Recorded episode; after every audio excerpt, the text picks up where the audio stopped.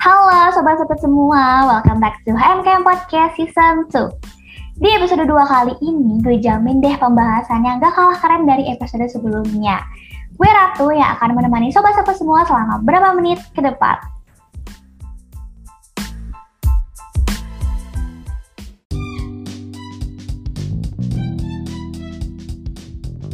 Cie, lagi liburan, asik banget nih kayaknya. Tapi kurang lengkap gak sih kalau misalnya gak dengerin HMK Podcast episode 2?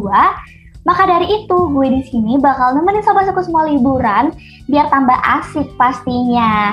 Tapi di sini gue nggak sendirian loh, karena di sini gue ditemenin sama dua kakak cantik nih yang akan sharing mengenai perkuliahan di Kesma sesuai judulnya yaitu bincang seru kuliah di Kesma UPNVJ. Wih, cakep banget gak tuh pembahasannya? Apalagi sebentar lagi kan ada maba ya atau mahasiswa baru gitu. Nah bisa banget nih sobat suku semua yang akan masuk ke Kesmas nih didengerin biar nanti kuliahnya tuh tambah semangat gitu. Biar nanti sebelum dosen nerangin, sobat suku semua yang baru masuk Kesmas tuh udah tahu gitu mengenai Kesmas gara-gara dengerin Camp Podcast ini. Langsung aja deh daripada gue kebanyakan ngomong kali ya. Langsung sapa aja dua narasumber cantik kita pada hari ini. Yang pertama ada Kak Putri Aulia nih. Disapa dulu kali ya Kak Putri Aulia. Halo Kak Putri Aulia. Halo Kak Ratu. Halo Sobat Sekut semuanya.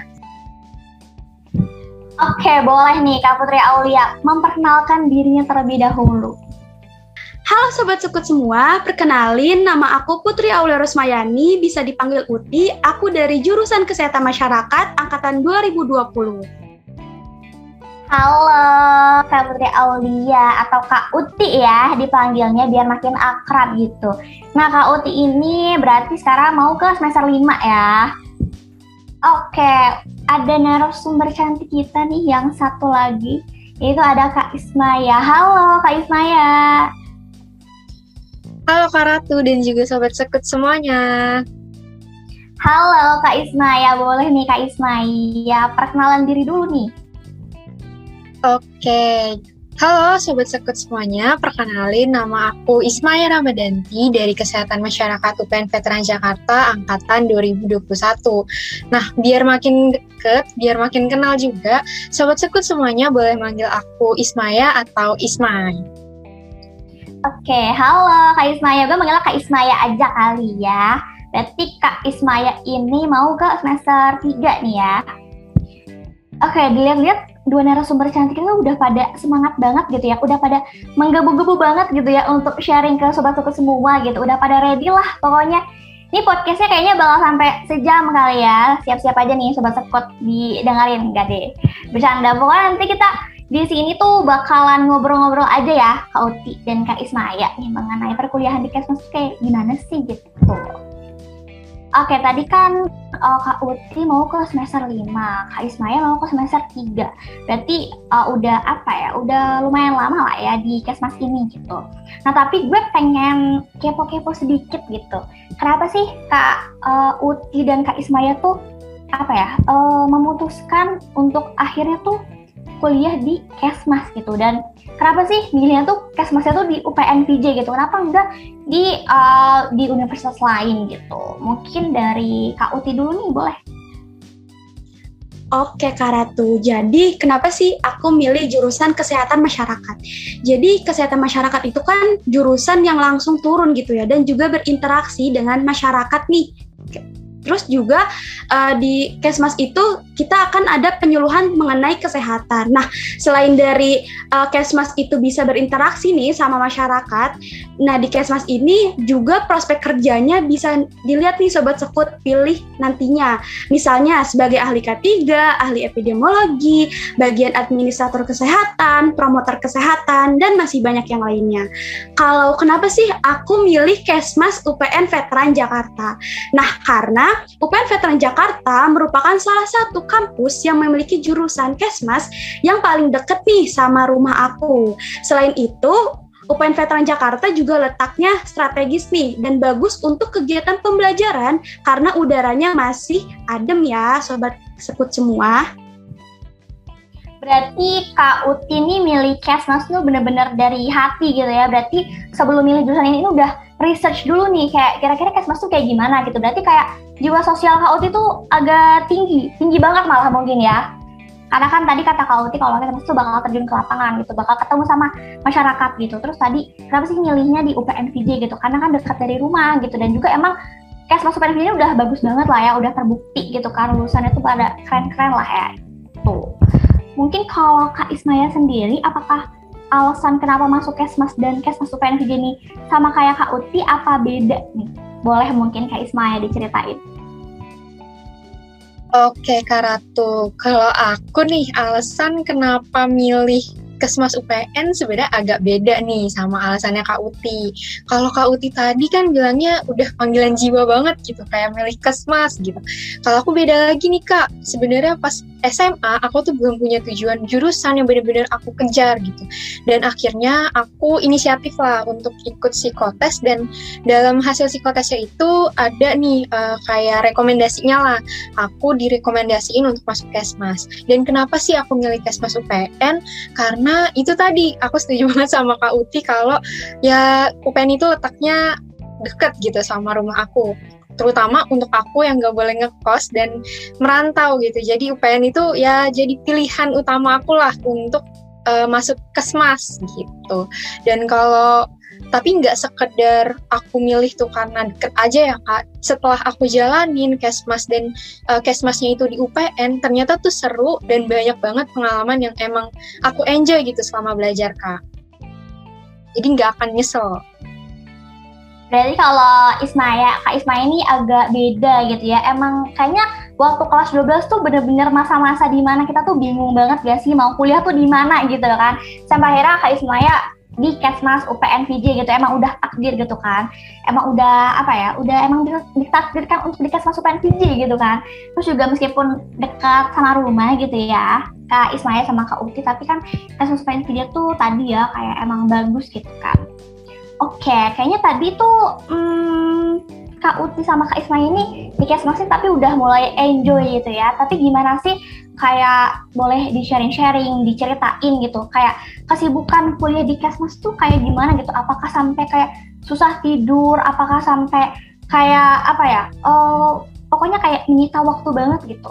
Sama tugas-tugas yang diberikan mungkin ya kayak boleh diceritain gitu. Mungkin dari Kak Ismaya dulu kali ya. Oke Kak Ratu, jadi kalau kesibukan selama aku di Kesmas yang udah aku jalani nih selama dua semester ini, sebenarnya ya sewajarnya mahasiswa aja gitu kak. Kayak misalkan kita kelas, terus abis itu ngerjain tugas, nggak jauh-jauh lah dari itu. Tapi untuk di Kesmas UPN sendiri ini selama dua semester aku jalanin, sejauh ini tuh belum ada tugas yang bener-bener bikin aku stres yang yang benar-benar nyita waktu lah intinya. Aku masih tetap bisa istirahat, masih bisa uh, happy happy, aku masih bisa liburan, masih bisa istirahat yang banyak, masih bisa uh, berkumpul sama keluarga aku juga. Jadi kalau ditanya sibuk banget apa enggak sih di masuk PN gitu kak?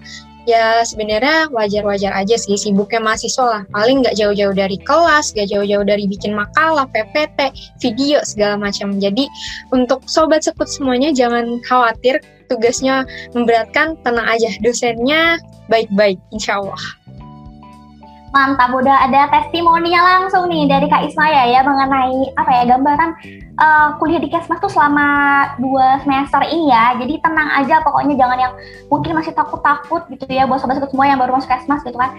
Kayak aduh gimana ya Kesmas tuh gimana? Tetap enjoy ya, kuliah jalan, main jalan gitu kan. Healing jalan gitu kan mungkin.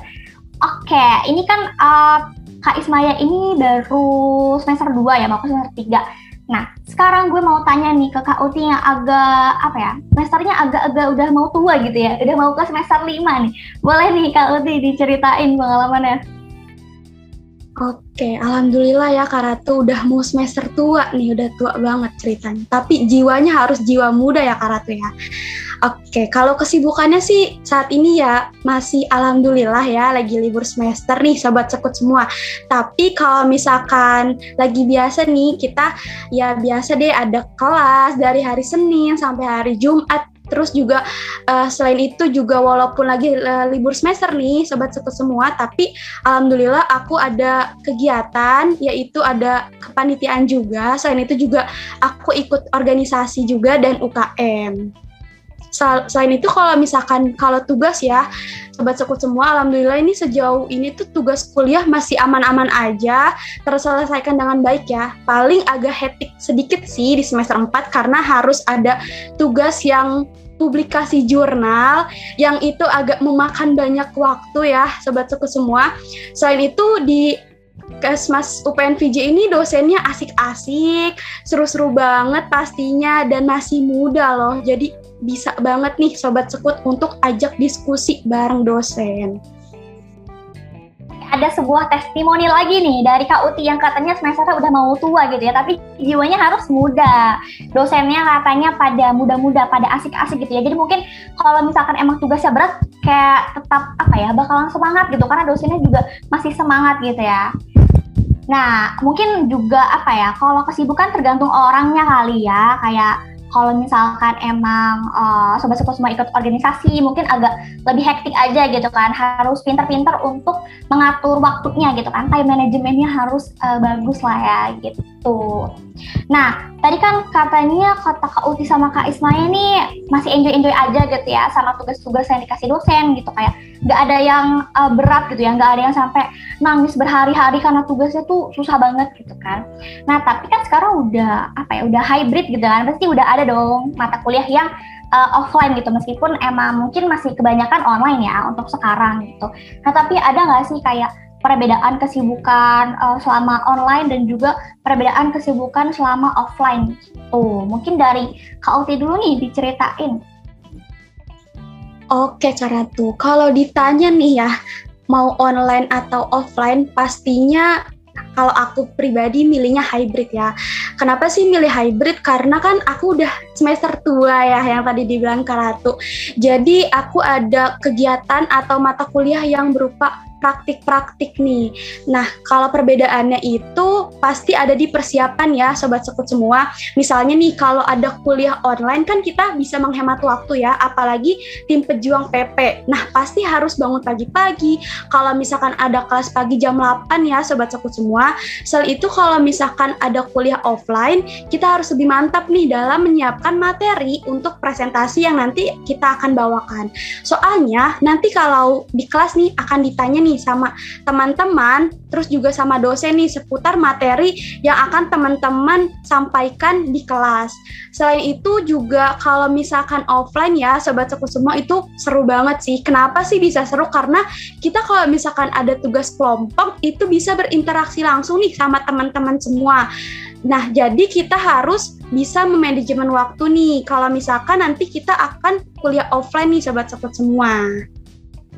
Berarti kalau kuliah offline uh, bedanya tuh di persiapannya mungkin ya. Kalau kuliah online tuh kayaknya bangun tidur langsung pakai kerudung, langsung buka laptop udah ready gitu kan. Kalau kuliah offline kan kita harus bener-bener apa ya mempersiapkan gitu kan. Belum lagi kalau misalnya pejuang PP ya semangat nih pejuang PP.